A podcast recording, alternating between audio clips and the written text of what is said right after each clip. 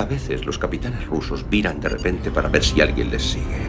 A esa maniobra la denominan loco Iván. Lo único que puedes hacer es parar en seco tu nave y esperar los acontecimientos.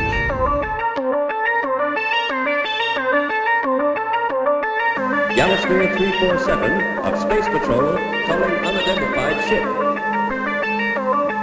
Night,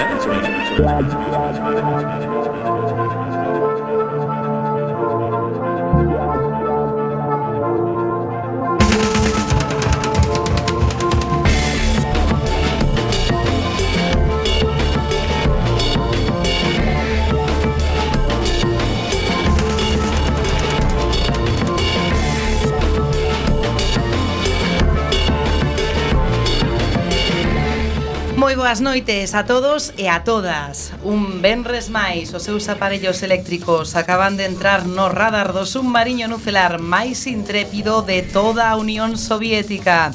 Se non tiveramos esta modernísima nave, digna dos mellores anos da Guerra Fría, só empregaríamos como embarcación alternativa un Drakkar vikingo, Se non foramos soviéticas, nin galegas, nin coruñesas, seríamos nórdicas. Hoxe, como terán xa adivinado, falaremos de lendas vikingas. Teremos con nós a un antropólogo experto na materia. Contaremos ademais con música, relatos de persoeiros que buscaron o Ragnarok e, por suposto, analizaremos as novas máis destacadas deste mundo desprovisto da maxia dos antigos. Please stand back from the automated door and wait for the security officer to verify your identity. Before exiting the train. Todo isto non sería posible sen o señor Bugalov na sala de máquinas. Yes. Na sala contigua de torpedos, sempre disposto a ataque preventivo, o camarada Lamelo. Boa noite, camarada. Tamén experto en ataques, pero químicos e culinarios, o xefe de cociña Birnarem. Aquí preparando o seguinte ataque. O tovarix Esmendrellev regresando dende a estepa siberiana. Que frío carrallo. E a tripulación desta noite que se completa coa camarada de Aquí estamos de volta. A responsable da seguridade nucelar do submarino, Nadia Conachova. Cuádrense. E temos unha colaboración especial vida doutro submarino a camarada Valeriova Valkiria. Valeriova Valkyria que non quere dicir Boa noite todavía, xa non lo dirá logo. Sauda vos a capitana Esbletana Ibarruri. Isto é Loco Iván, comezamos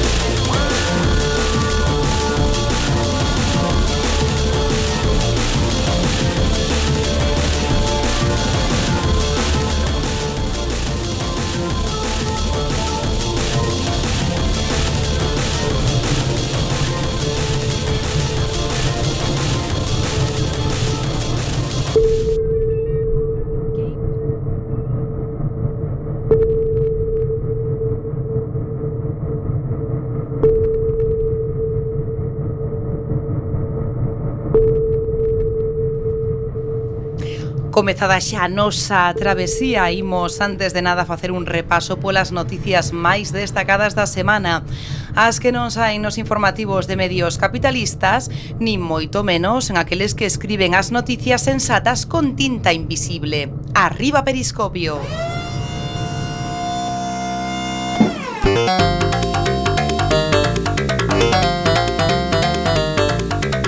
Quack FM Loco Iván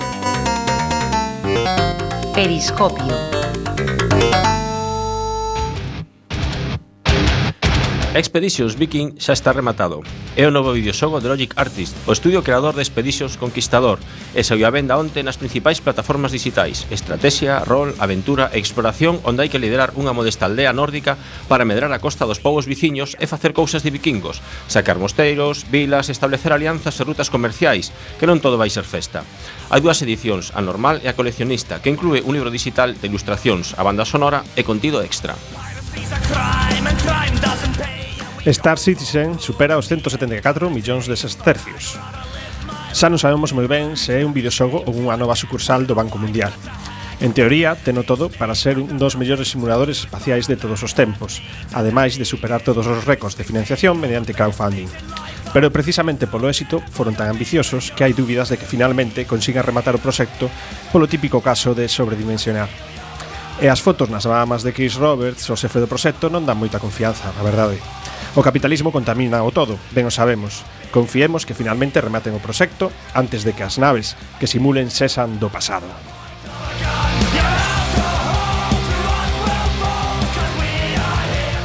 Beatbox estrea a beta pechada de Life is Feudal. É un videoxogo de rol online a gran escala ambientado na Idade Media, sen maxia, onde haberá que sobrevivir e buscarse a vida, construir casas, vilas, cidades, conseguir alimento e, por suposto, participar en combates con armas medievais. Ademais, haberá guerras entre reinos, relacións diplomáticas e xestión da economía. Pode solicitar participar na beta a través da súa web www.lifeisfeudal.com Eu apunteime para instalar o comunismo medieval. Piranha Bytes mostra un novo vídeo de Elex. O estudio creador das sagas Gothic e Gaisen prepara un novo videoxogo de rol nun mundo aberto e posapocalíptico que combinará fantasía e ciencia ficción. Hai meses presentaron un vídeo promocional onde aparecían feitizos máxicos, o cal resultaba un tanto extraño para moita xente. O que me topou que en Piraña sacaron un novo vídeo do prólogo do videoxogo onde explican a causa de que apareza a maxia. Ten previsto a súa saída no terceiro trimestre do 2017. Veremos se mantén a liña dos seus anteriores títulos. HBO fará unha película de Fahrenheit 451. O título da obra maestra de Ray Bradbury é a temperatura a que arde o papel dos libros na escala Fahrenheit. Unha novela distópica que narra a vida de Montan, un bombeiro encargado de queimar libros por orde do goberno porque din que o coñecemento crea infelicidade. Todo cambia cando coñece a Clarice, unha rapaza de 19 anos pertencente a unha familia inadaptada social que pensa por si sí mesma. E Monta comeza a ter dúbidas e interesarse polo que hai anos nos libros que vai a queimar. A cadea HBO fará unha adaptación para a televisión dirixida por Ramin Baranim, director da Calquera Precio, e protagonizada por Michael Shannon e Michael B. Jordan. Unha película en formato televisivo para as tardes rosacosas de domingo, con voz en off que di baseada en feitos reais. É o mellor do mundo. Atom RPG é o falou soviético que estábamos agardando. Se hai algo que botábamos de menos na saga Fallout era a parte soviética do asunto. Pois ben, un estudio independente ruso chamado Team Atom prepara un novo videoxogo de rol inspirado en Fallout, aínda que tamén con influencias de Planescape Torment. Acaban de lanzar unha campaña en Kickstarter para financiarse e piden 15.000 sextercios para cadar o objetivo. É un mundo aberto e posapocalíptico onde podes facer de todo, desde pescar ata mercar un póster de Stalin vestido de astronauta bebendo unha botella de vodka marca Piolet. A historia ten lugar no ano 2005 despois dunha guerra nucelar no ano 1976 e desenvolvese no sur da URSS, onde podes tomar o papel dun operativo encuberto dun búnker secreto chamado Atom. Parece un Fallout, cheira a guerra nucelar e soviético. Xa nos convenceron. O universo foi destruído no CERN e vivimos nun mundo paralelo, Sí, camaradas, o acelerador de partículas do CERN destruiu o universo. E agora estamos vivindo nunha realidade paralela. É o que afirma Max Laugin, coñecido como Max Osenio, un rapaz que con 13 anos inventou un dispositivo de enerxía libre que podería solventar os problemas enerxéticos do mundo. Max justifica a súa afirmación baseándose no efecto Mandela, que é o cansante de que moitas persoas recorden un acontecemento do pasado que na realidade nunca pasou, como a caída do muro de Berlín. Max afirma que é a proba de que vivimos nun universo paralelo. Se o di Max, ten que ser certo. O que non sei é se me gusta máis este universo ou o anterior ou o anterior do anterior, en fin.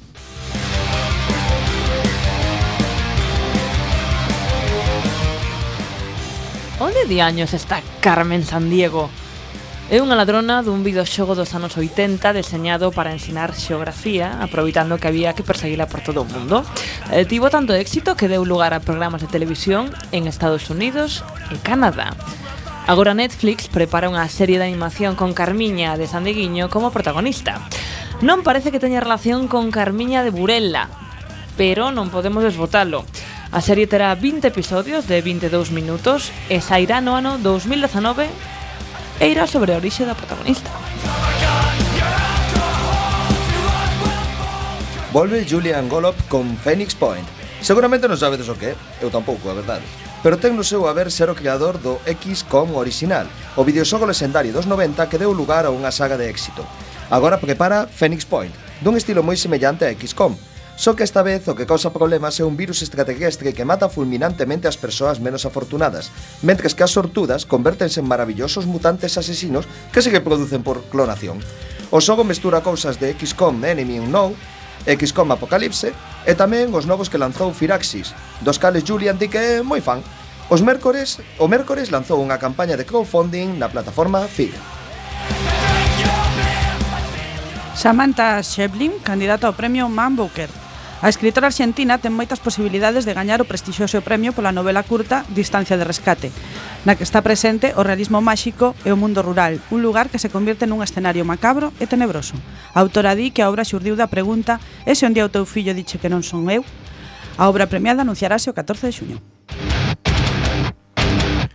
O Sinclair ZX Spectrum cumple 35 anos. Parece que follonte, pero xa pasaron máis de 35 anos desde que este cativiño trebello entrou nas nosas vidas. Foron moitos anos de diversión, aventuras, ilusión e xogos, moitísimos xogos. O 23 de abril de 1972, Sinclair Research LTD lanzaba ao mercado un pequeno aparatiño cheo de bits e coa fruleira de 16K ou 48K de memoria RAM. Unha pasada. Algo máis tarde chegarían ata a fruleira dos 128K que tiveron que facer unha central nuclear pasou para poder encendelo. Delicia dos máis pijos do barrio, obviamente. O caso é que se convertiría no ordenador doméstico con máis usuarios de todo o mundo e tamén a que posuía o catálogo de xogos máis amplio. Estivo dando guerra moitos anos e, xunto con outros ordenadores de 8 bits, foi alrededor de onde surdiu a idade de ouro do software español. E aínda ten moita vida, hoxe perduran miles de fans e continúan xogando os seus xogos, a maioría a través de emuladores en sistemas operativos modernos. Pero tamén hai un importante mercado de coleccionismo, ao igual que novos aparatiños que recurrentemente saen en Quickstart. Longa vida ao Spectrum.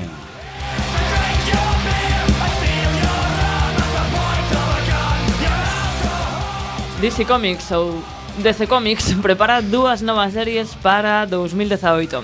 Warner Bros. e DC Comics preparan dúas novas series de televisión baseadas nas súas personaxes do universo de superheróis Titans e Young Justice Outsiders. Joder. Esto en inglés de semana tamén. A primeira xa conta con produtores e guionistas, destacando Greg Berlanti, responsable das series Arrow ou The Flash. Por outro lado, Young Justice Outsiders eh, tratar dun grupo de héroes adolescentes que loitan contra o comercio de metahumanos e as mafias que queren explotalos. Xa tes lista a versión do desarrollador de Stalker Lost Alpha. A semana pasada non falamos de Stalker, algo imperdonable. Cando Stalker estaba aínda desenvolvéndose, fil filtráranse unha versión alfa técnica que maravillara a moita xente e xerou gran expectación polo xogo. Aquela versión alfa tiña contido que logo non saí unha versión definitiva por diferentes causas, que agora non veñen ao caso. Pois un grupo de afeccionados botaban de menos aquel contido e puxéronse a traballar nunha modificación que engadira ese contido. Pero antes de que puderan rematala, tamén tiveron unha filtración e precipitaron a saída antes de que estivera rematada no ano 2014. Onte sacaron unha nova versión a que chaman versión do desenrolador, a 1.4, que mellora moito a versión anterior. Xa sabedes que é gratis, avisados quedades.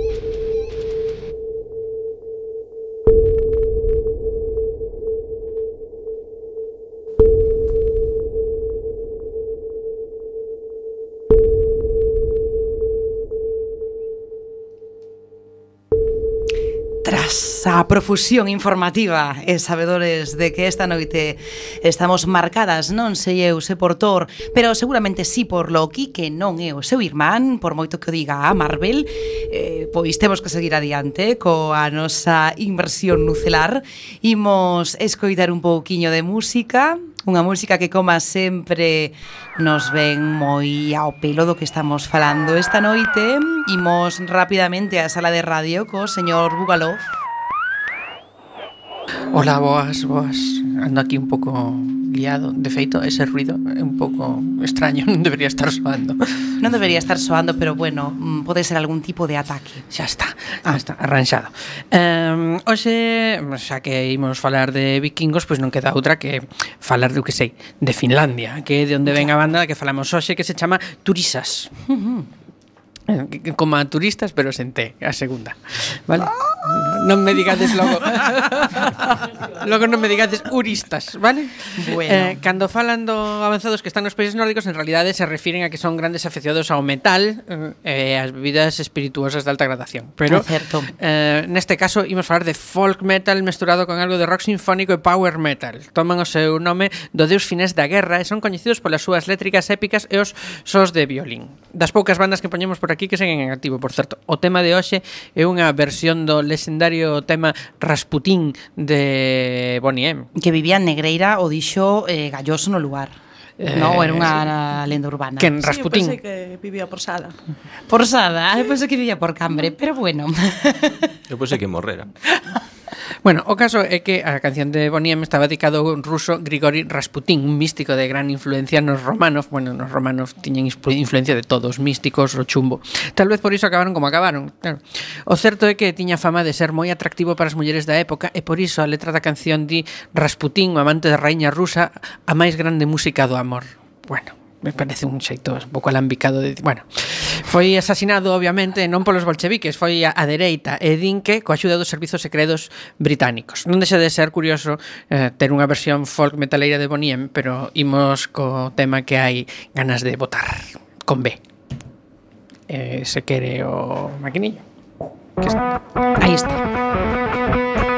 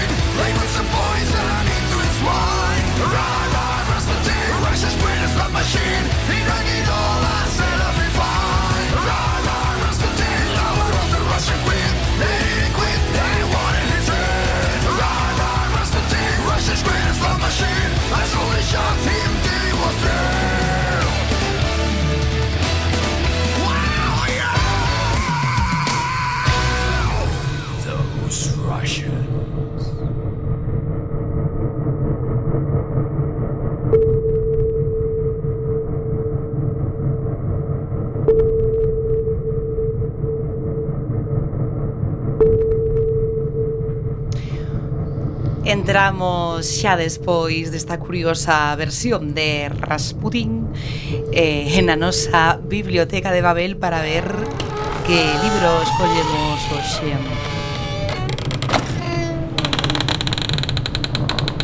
Bueno, pois así o azar Vamos a ver un fragmento de Devora- Devoradores de Cadáveres do ano 1976. Señores Mendeleev, por favor, díganos o título original. Eaters of the Dead. Moi ben, estaba atento.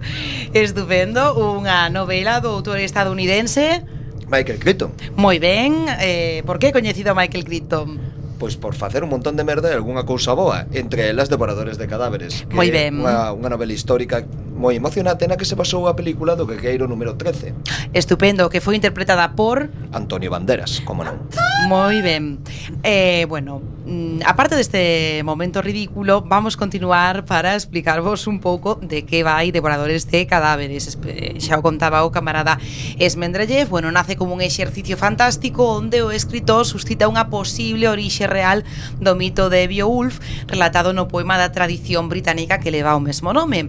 Para así simular esta presunta orixe histórica dos sucesos relatados no poema, Crichton atribúe a obra a un personaxe histórico, o colonista árabe, diga o nome, Esmendrellev. Ibn Fadan. Ben, quen protagoniza o relato e a vez cumpre o rol de narrador dos seus sucesos. Nesta obra tamén se especula sobre a supervivencia do home de Neandertal e a súa convivencia co humano moderno ata periódico ata períodos, perdón, históricos recentes. Nos creemos que sí porque temos o camarada Lamelov entre nós. Eh, neste fragmento eh, o señor O señor Ibn Fadan Ben, relata como o héroe Beowulf parte a buscar consello do Tengol, que un profeta anano, ananísimo, que lle orienta o estilo das antigas sagas en como acabar cos malvados e os caníbales Wendol. Vamos aí.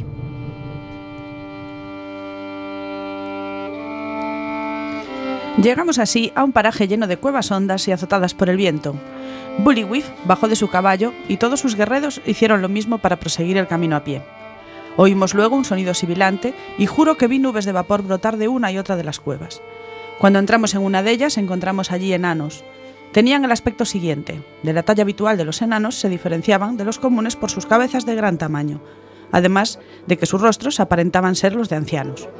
Había enanos tanto hombres como mujeres y todos daban la impresión de ser muy viejos. Los hombres tenían barbas y eran muy reposados.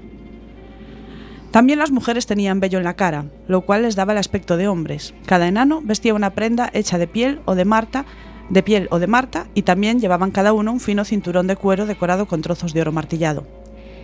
Los enanos nos recibieron con gran cortesía y sin señales de temor. Erger me dijo que estos hombres tienen poderes mágicos y no tienen, por tanto, motivo para temer a nadie en el mundo. Son, en cambio, muy aprensivos frente a los caballos y por esta razón habíamos debido dejar los nuestros. Erger me contó asimismo que los poderes de un enano residen en su fino cinturón, de tal manera que si llega a perderlo, hará cualquier cosa por recobrarlo. Erger añadió que el aspecto que tenían de gran edad respondía respondía a la realidad, ya que un enano vivía mucho más que cualquier hombre común. Me comentó luego que estos enanos muestran su virilidad desde una edad temprana, que aun cuando son niños de corta edad tienen vello pubiano y miembros de proporciones inusitadas. En verdad, es por esos signos que los padres se enteran de que un hijo es un enano y un ser mágico que debe ser llevado a las colinas para que viva con otros de su género. Hecho esto, los padres dan gracias a los dioses y sacrifican algún animal, por cuanto haber engendado y dado a luz un enano es considerado como un golpe de fortuna.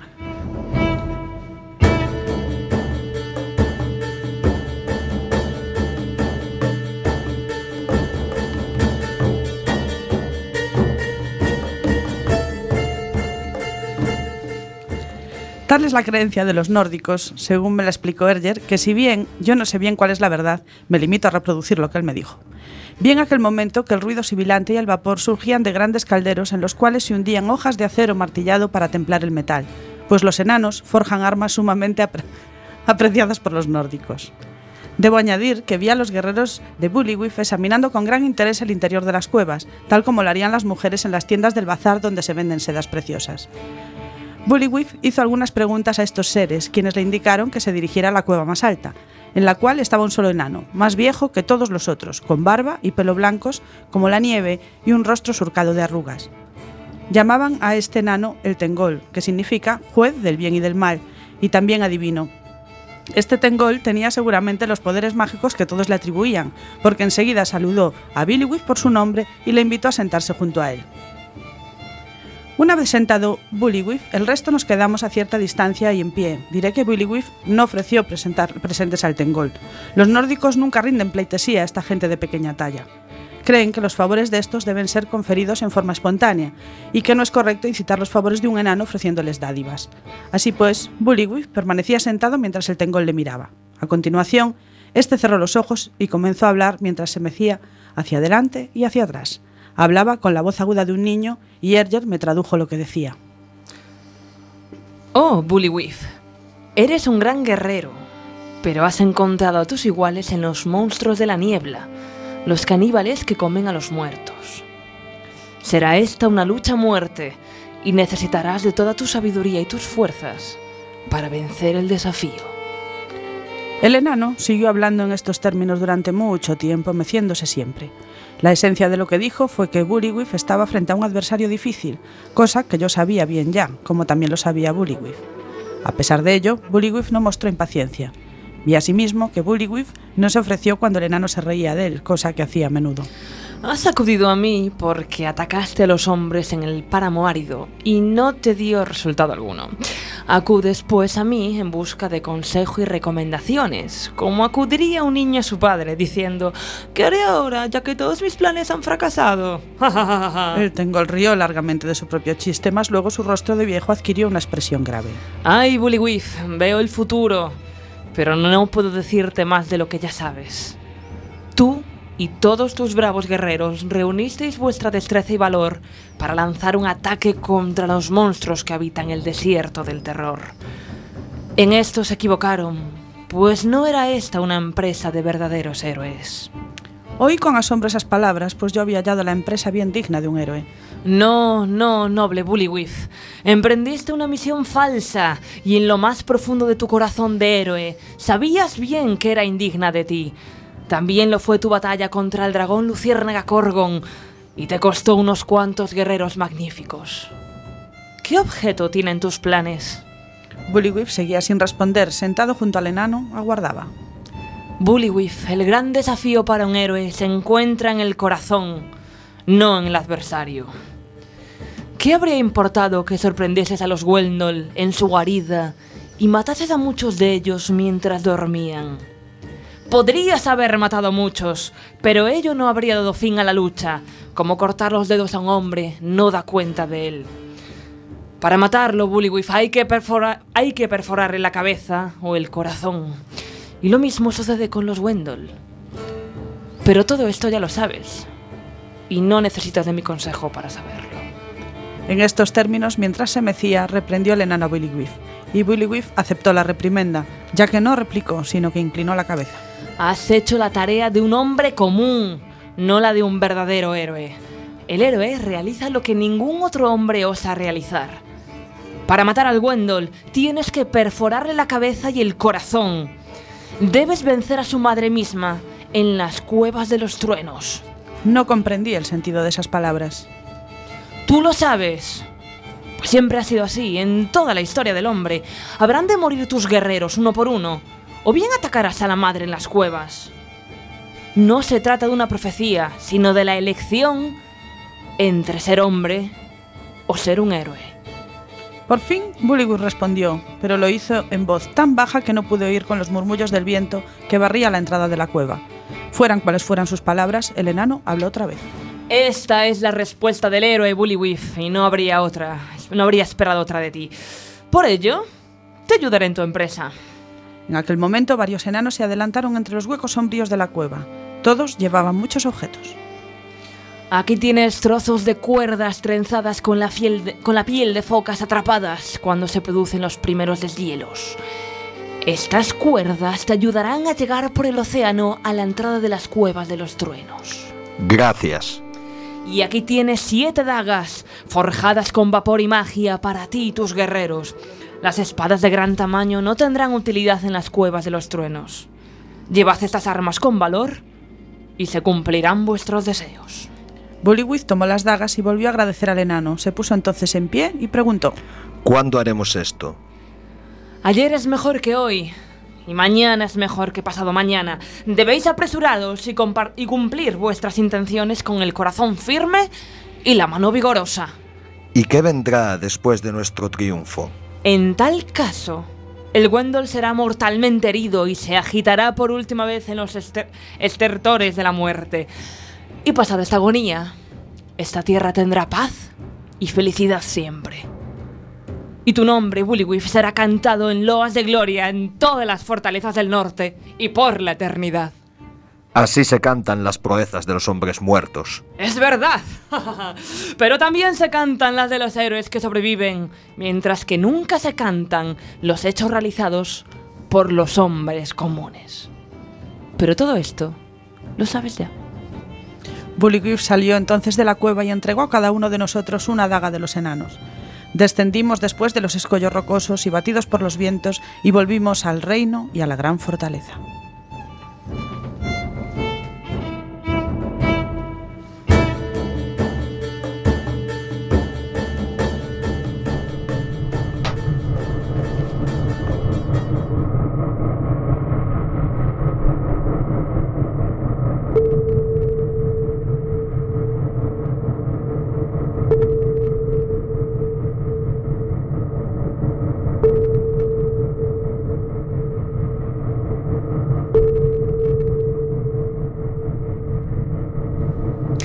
Seguimos adiante xa cando son as 10.32 e 32 minutos da noite. Como sempre a esta hora no noso programa e logo do relato Temos que abrir a escotilla para invitar a pasar a un entrevistado esta noite de excepción eh, Rafael Quintía, antropólogo, que ademais é un prolífico divulgador que, por exemplo, acaba de gañar o ano pasado o Premio Ramón Piñeiro de Ensaio, eh, colaborador ademais de medios de comunicación, nos vai explicar un pouco pois eh, se realmente aquí en Galicia houbo ou non pisada dos vikingos. Moi boa noite, Rafael. Hola, boa noite. Bueno, pois hoxe falamos aquí no noso submariño de, de vikingos e vikingas e de lendas nórdicas. A primeira pregunta que te temos que facer é exactamente que hai de verdade e que hai de mito nesta, nesta pisada vikinga en Galicia. No, bueno, é, é historia, esta historia contrasta, eh, contrastada está nas fontes. Sabemos que entre o século IX e o século XII, fundamentalmente, pois Galicia, como, como a maior parte dos países da, da costa atlántica europea pois su, sufriron os ataques non esas racias dos vikingos, non? Entón, bueno, foron catro catro an, eh, catro séculos de, de ataques, non? Eh, eh, a veces esporádicos, eh, ordenanse normalmente nunhas nunhas cinco eh, vagas, non, fundamentales de de ataques, pero sí, sí, sí é certo que que sufrimos eses eses ataques pois como como o resto de Europa, non? Rafael, temos a idea, o mellor, debido ao alcoholismo, de que eso está en Catoira, ese, ese paso vikingo pola romería, pero entendemos que, que non solamente se circunscribe a, a ese lugar, non? Non, dende logo, a ver, eh, unha cousa é eh, as crónicas, e que temos esa, esa constancia, non, deses ataques dos vikingos, Outra cousa é atopar restos arqueolóxicos eh, vinculados a, a esa época que os hai, non? Neste caso estamos falando de restos arqueolóxicos de, defensivos, defensivos construídos no, no Reino de Galicia para protexerse deses ataques, por exemplo, a Fortaleza da Lanzada, por exemplo, as torres do, do este de Catoira, a torre de San Saturniño, incluso pues, eh, en Cambados, as torres do este en Catoira, non? e posiblemente outra, outra construción, un gran recinto fortificado nos, nos montes de Lira, que as torres de, de a, a torre dos Mouros. E outra cousa xa sería si realmente houbo, non, que, que é probable porque esta xente estaba durante tempo, non hai hai, hai casos de, de ataques de vikingos que estiveron tres anos saqueando as nosas terras, pois si existe algún resto de algún tipo de, de asentamento vikingo en Galicia. Ese, ese é o gran dilema, o debate, hai un bueno, hai algún sitio que, que parece reunir certas características para, para ser candidato, non? Nas costas de, da Mariña Lucense, pero eh, ainda, ainda queda moito traballo arqueolóxico para, para confirmar este feito, non? E se está facendo ese traballo arqueolóxico todavía temos moito que moito que rascar? Non, fíxose unha excavación arqueolóxica o ano pasado, non? E bueno, me, según os arqueólogos que estudaron o lugar, pois os, os indicios son de que pudese ser un, un posible asentamento asentamento vikingo, non, de, na, na costa, para, bueno, para albergar estes estas poboacións, máis que poboación, non, non colonos como aconteceu nas Illas Británicas, senón estes guerreiros e guerreiras tamén que, que acampaban e pasaban todo o inverno, non, pois en Galicia saqueando porque era un lugar moi rico, hai que ter en conta que Galicia estaba unha das tres cidades santas do cristianismo, non, Santiago Santiago Compostela e eso sempre foi un foco de, de atracción, non? Eh, pero bueno, a, a día de hoxe ainda ainda queda moito traballo para chegar a, a topar e confirmar estes estes posibles asentamentos vikingos que, que os houbo, non? Rafael, sabes, bueno, se non o sabes xa cho dicimos agora que somos un pouco frikis aquí neste neste programa e somos moi fans da serie de, de Vikings. Eh, así que é obrigado que te preguntemos se chegaron os fillos de Ragnar. Pois sí, non? A serie de Vikings, que é unha serie fantástica, moi ben documentada, anda que mestura en realidade e mitoloxía, non? Da, das sagas, en, e, e mestura dis, diferentes personaxes históricos nunha mesma trama, como é Ragnar Lorbur, ou eh, eh, ou su, o seu o seu hipotético irmán na serie Rolo, que non foron irmáns, non? Uh -huh. Pois sí, eh, se, precisamente nesa segunda vaga de ataques vikingos que sufriu Galicia no ano 858 quen iba o mando, quen comandaba esa expedición de saqueo non? De, de, de barcos vikingos era eh, Björn Ragnarsson, que é o que sai na serie o fillo maior de, de, de Ragnar Lorbrok, non? Eso é o que sabemos pois polas crónicas. Durante tres anos eh, andivo nunha, nunha gran nunha gran expedición de saqueo tanto en Galicia, Portugal, chegou a Andalucía, Cataluña, Francia, bueno, todo o Mediterráneo, incluso se, se fala de que chegou a Grecia, non?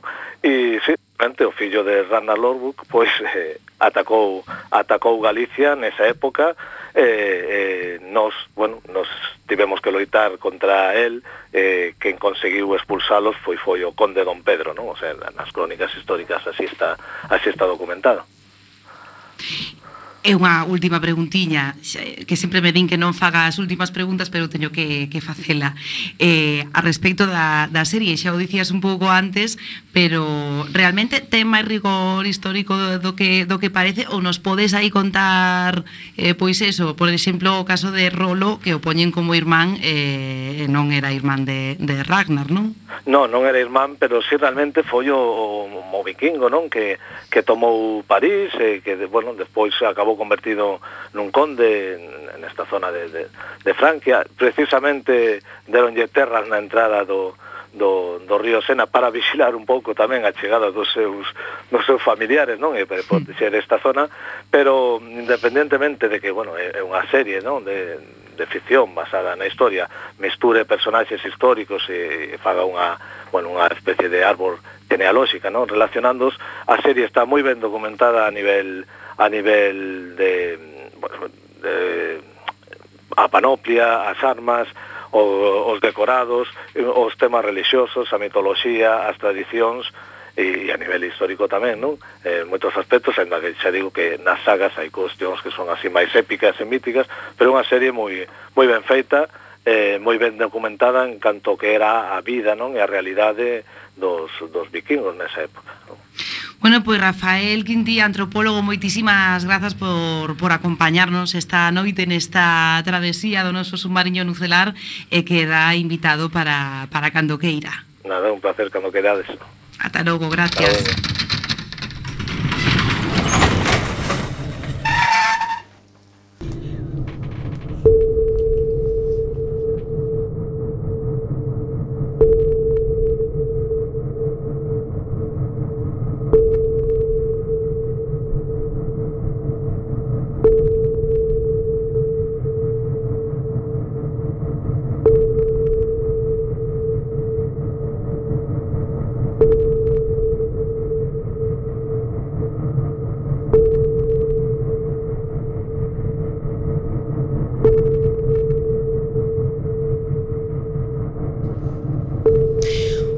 Bueno, pois nos vamos xa coa última parte do programa Que é esa inmersión Pero antes temos que recordarlles unha cita importantísima na Coruña Vai haber moitas citas importantes na Coruña o domingo Pero nos na que nos temos que centrar neste programa É na noite de, de Valpurgis É así, sería así Esmendrellev, Valpurgis ou Valpurgis, pois dirás. Bueno, non estás atento, pero en fin. Bueno, vai ser A celebración da noite de Valpurgis do 30 de abril que vai ser na Sala Nautilus, xa saben que as tivemos moitos colaboradores dese, dese submarino amigo que é Nautilus, que está na Praza da Azcárrega número 7, se vai celebrar unha noite especial con queimada, con música, con bruxería e tamén imos a estarnos para presentar un pouco o noso programa para que, inda que xa o escoitan milleiros de persoas, pois para que xa traspase as fronteiras incluso da argolla coruñesa. Pero Imos continuar despois eh, deste aviso, xa sabedes, a todos e todas as que, que irades ir eh, na Praza da Cárrega número 7 este domingo 30 de abril na Sala Nautilus, festa a partir das nove e media da noite, eh, poñamos 10, se tedes que cear antes.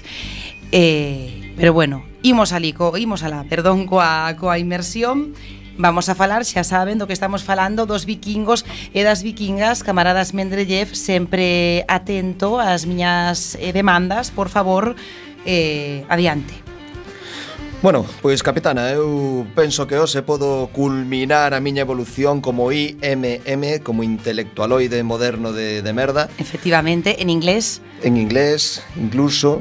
De ah, feito, no, en inglés dicíache que, que o traduxeras, pero bueno, bueno no, non, non pasa nada. Bueno, non hai Podemos dicir shit, eh, modern, intelectual.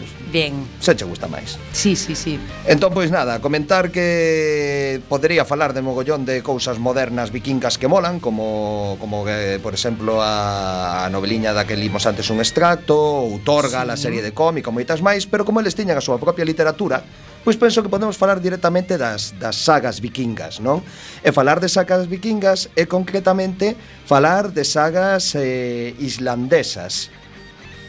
Ah, e agora eh, vou ler un fragmento que me mandou ler por un momento eh, Smendrellev, que di así. Este arte empezó siendo oral. Oír cuentos era uno de los pasatiempos de las largas veladas de Islandia. Se creó así, en el siglo X, una epopeya en prosa, la saga. La palabra es afín a los verbos sagen y sei, decir y referir, en alemán e inglés. En los banquetes, un rapsoda repetía las sagas. Bueno, o Gasoda é un farandulero da época para, para deixar claro o tema, non?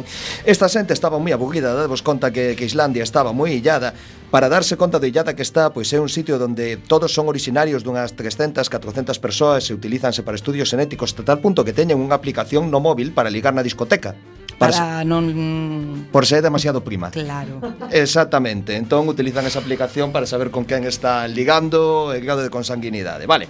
Pois nese entorno, Pois eles empezaron a escribir as súas sagas por aburrimento, por aburrimento puro, non? Cando chegou o cristianismo, eh, empezaron a escribir o estilo occidental, cousa que gustou, a historia da cristianización de Islandia é moi simpática, foi basicamente o primeiro que chegou foi un tal Stefnir, que o votaron por vándalo, porque tipo andaba por aí queimando cousas sagradas paganas, e lle dixeron, mira, aquí somos xente de ben, é xente normal, isto non, non nos claro. convén, e votaron a da illa, non mataron ni nada, eran, claro. para as cousas eran civilizados, pois aproveitaron para escribir as sagas antiguas e son moi interesantes porque descubrimos moitas cousas gracias a elas, non? Entregamentos de barcos, e a historia de Vinland, como chegaron a Terranova, sobre todo porque gustanme moito porque teñen un estilo moi práctico, sinxelo e directo.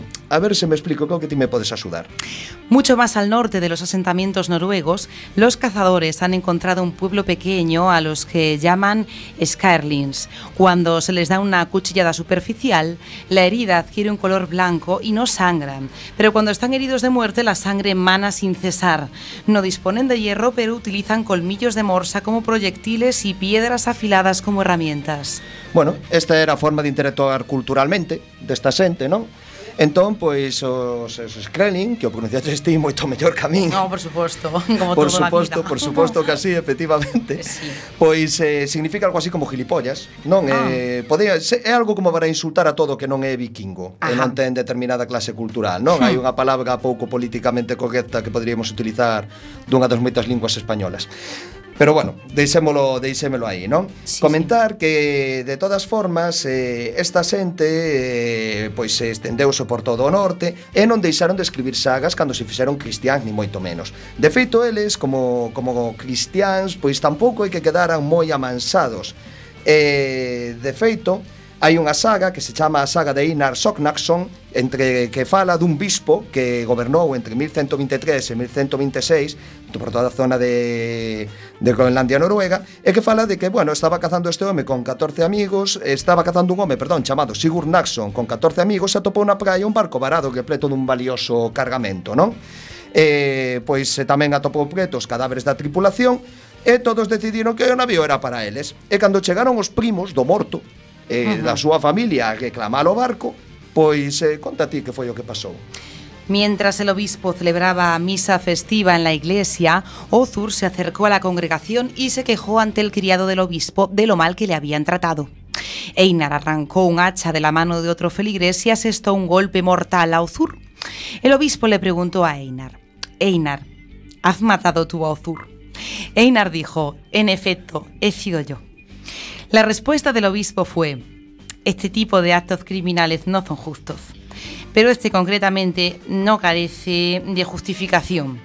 El obispo no quiso dar sepultura religiosa a Ozur, pero Einar le advirtió de que se avecinarían graves problemas. Efectivamente, un pariente de Ozur, Simón, hombre fuerte, dijo que no era momento de perder tiempo en hablar reunió a sus amigos Colbein, Tolhoson, Keite Kalhor y otros muchos hombres del asentamiento occidental. Un anciano llamado Soki Torison ofreció mediar entre Simón y Einar. Como compensación por haber asesinado a Ozur, Einar ofreció algunos artículos entre los que se encontraba una antigua armadura que Simón, sin embargo, despreció por considerarla inútil. E me parece que temos que pasar a outro tema. No, ah, era por acabar aquí, non esta, este, este relato. Bueno, a mí o que máis me gusta deste relato é a forma que termina, que cando ah, matan ah, vale. os tipos en cuestión, de pronto aí Narsinala, ya sabía yo que iba a pasar isto. E nada, pasemos ao seguinte.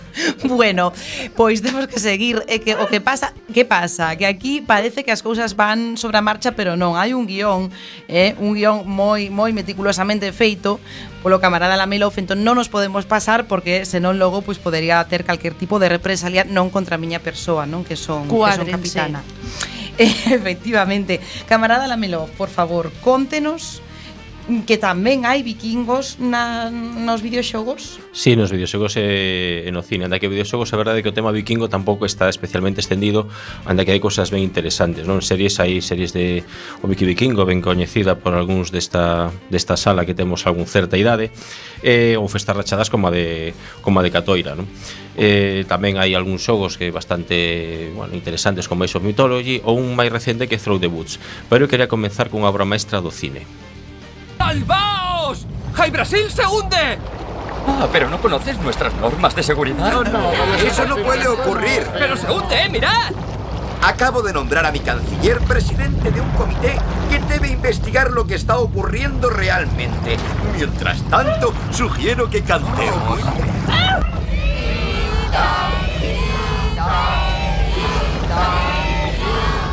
Creo que vamos mejorando. ¿Ah, sí? ¿Por qué? ¡Padre! No pasa nada, no está ocurriendo. ¡Os hundís! ¡Subid a bordo! No, gracias. ¿Quién te has creído que eres? Agitadores. Venid aquí, Dejadnos vamos. en paz. Sí, dejadles en ¡Se hunde! ¡Hey Brasil se hunde! Bueno, querida, creo que solo es cuestión de lo que tú quieras creer. Y yo tengo más experiencia en estos asuntos de lo que tú crees.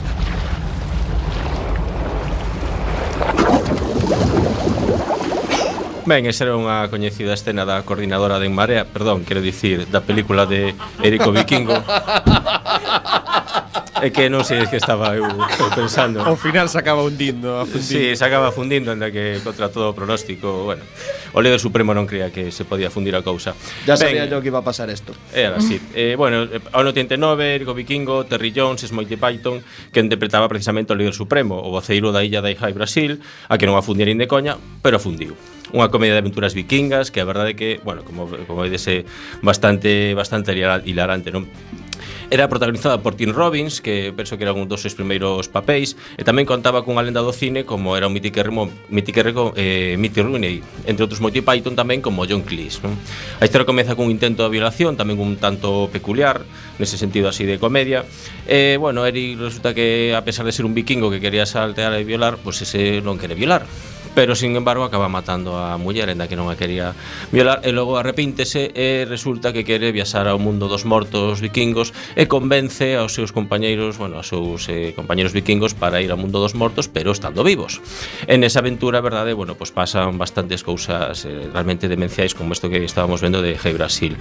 Hai un detalle así bastante curioso como é a, o cristiano de, digamos, do, do grupo que como non creen nada deste rollo vikingo, pois pues non ve nada do que acontece, sin embargo participa na, na aventura. Bueno, que bastante bastante curiosa. Ragnarok. When wolves will swallow the sun and moon, when the stars will be snuffed and the earth will tremble, when the gods will face the tribes of giants in a final battle that will ravage all the nine worlds. Ben, estaba claro, non? O que, o que dicía Este tratase do videoxogo Rune Que un xogo que saiu no ano 2000 Por parte de Human Head Studios É un xogo tamén é, super vikingo Quizá o videoxogo máis vikingo dos que hai E tanto así que é un dos xogos favoritos da xente en Finlandia non? Xogan en multixogador aínda hoxe en día, cando xa pasaron 17 anos despois Do videoxogo, bueno, acción, aventura Con moitos movimentos así bastante peculiares E uns gráficos que estaban bastante ben para a época Que por certo, Human Head Studios eh, preparan unha, unha segunda parte parte. E non quería rematar sen recomendar tamén pois un par de xogos, outro que se chama Banner Saga, que saiu aí pouco a través do crowdfunding, e tamén pois Expeditions Vikings, do que falamos antes nas, nas noticias, que ten, verdade, moi boa pinta.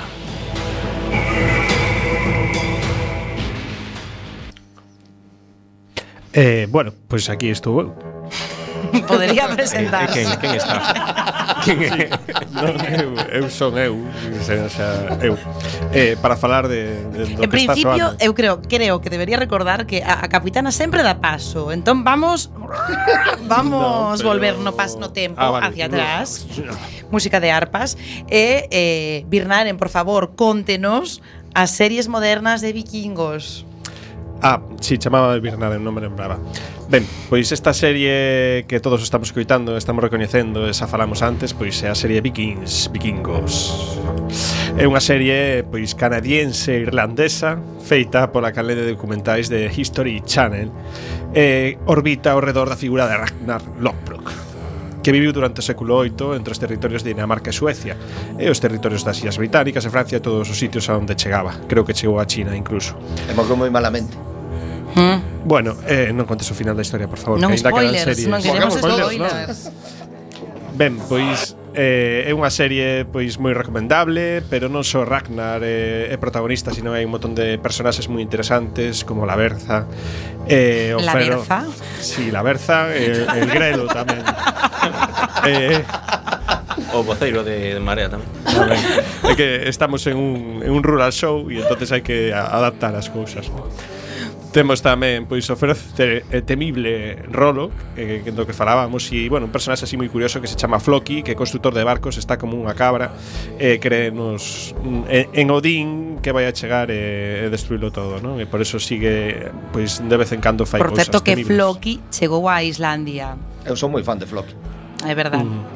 Bueno, eh, pois nada, eh, podría decir moitas cousas esta serie, pero quería mencionar antes de, como estamos mal de tempo, outra serie eh, que, que tamén vai de vikingos que se chama The Last Kingdom, que, que bueno, que en este caso pois centra a, a historia nas Illas Británicas eh, nun personaxe que non é vikingo de, de nacemento, non, sino que é Utrecht de Devonburg, fillo dun un nobre saxón, ratado de neno polos vikingos e criado como un Dask, Dansk ou danés, non? Como lle chamaban ali os vikingos.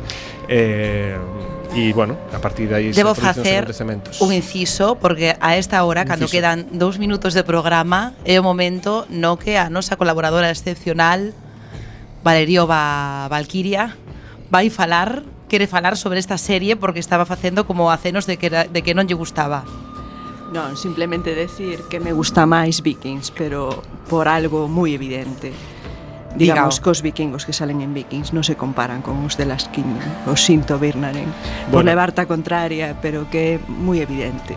Bueno, habería que enfrontalos directamente para ver quen pode a quen, sobre todo falando de que, de que posiblemente son os mesmos vikingos.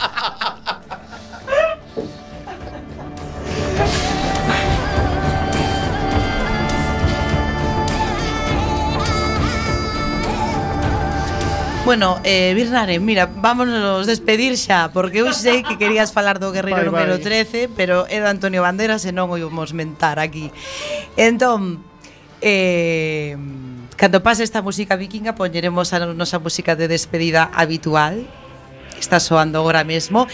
Bueno, e que acabou o programa Foi un placer estar con todos e con todas vos Espero que o pasarades tan ben como a nos aquí esta noite No Submariño Sede moi felices Bebede con moderación Sempre vodka eh, ou hidromiel, non? Coxe como fomos de vikingos e nos vemos, nos escoitamos a semana que ven, outro venres, ás 10 da noite. Sexan felicísimas.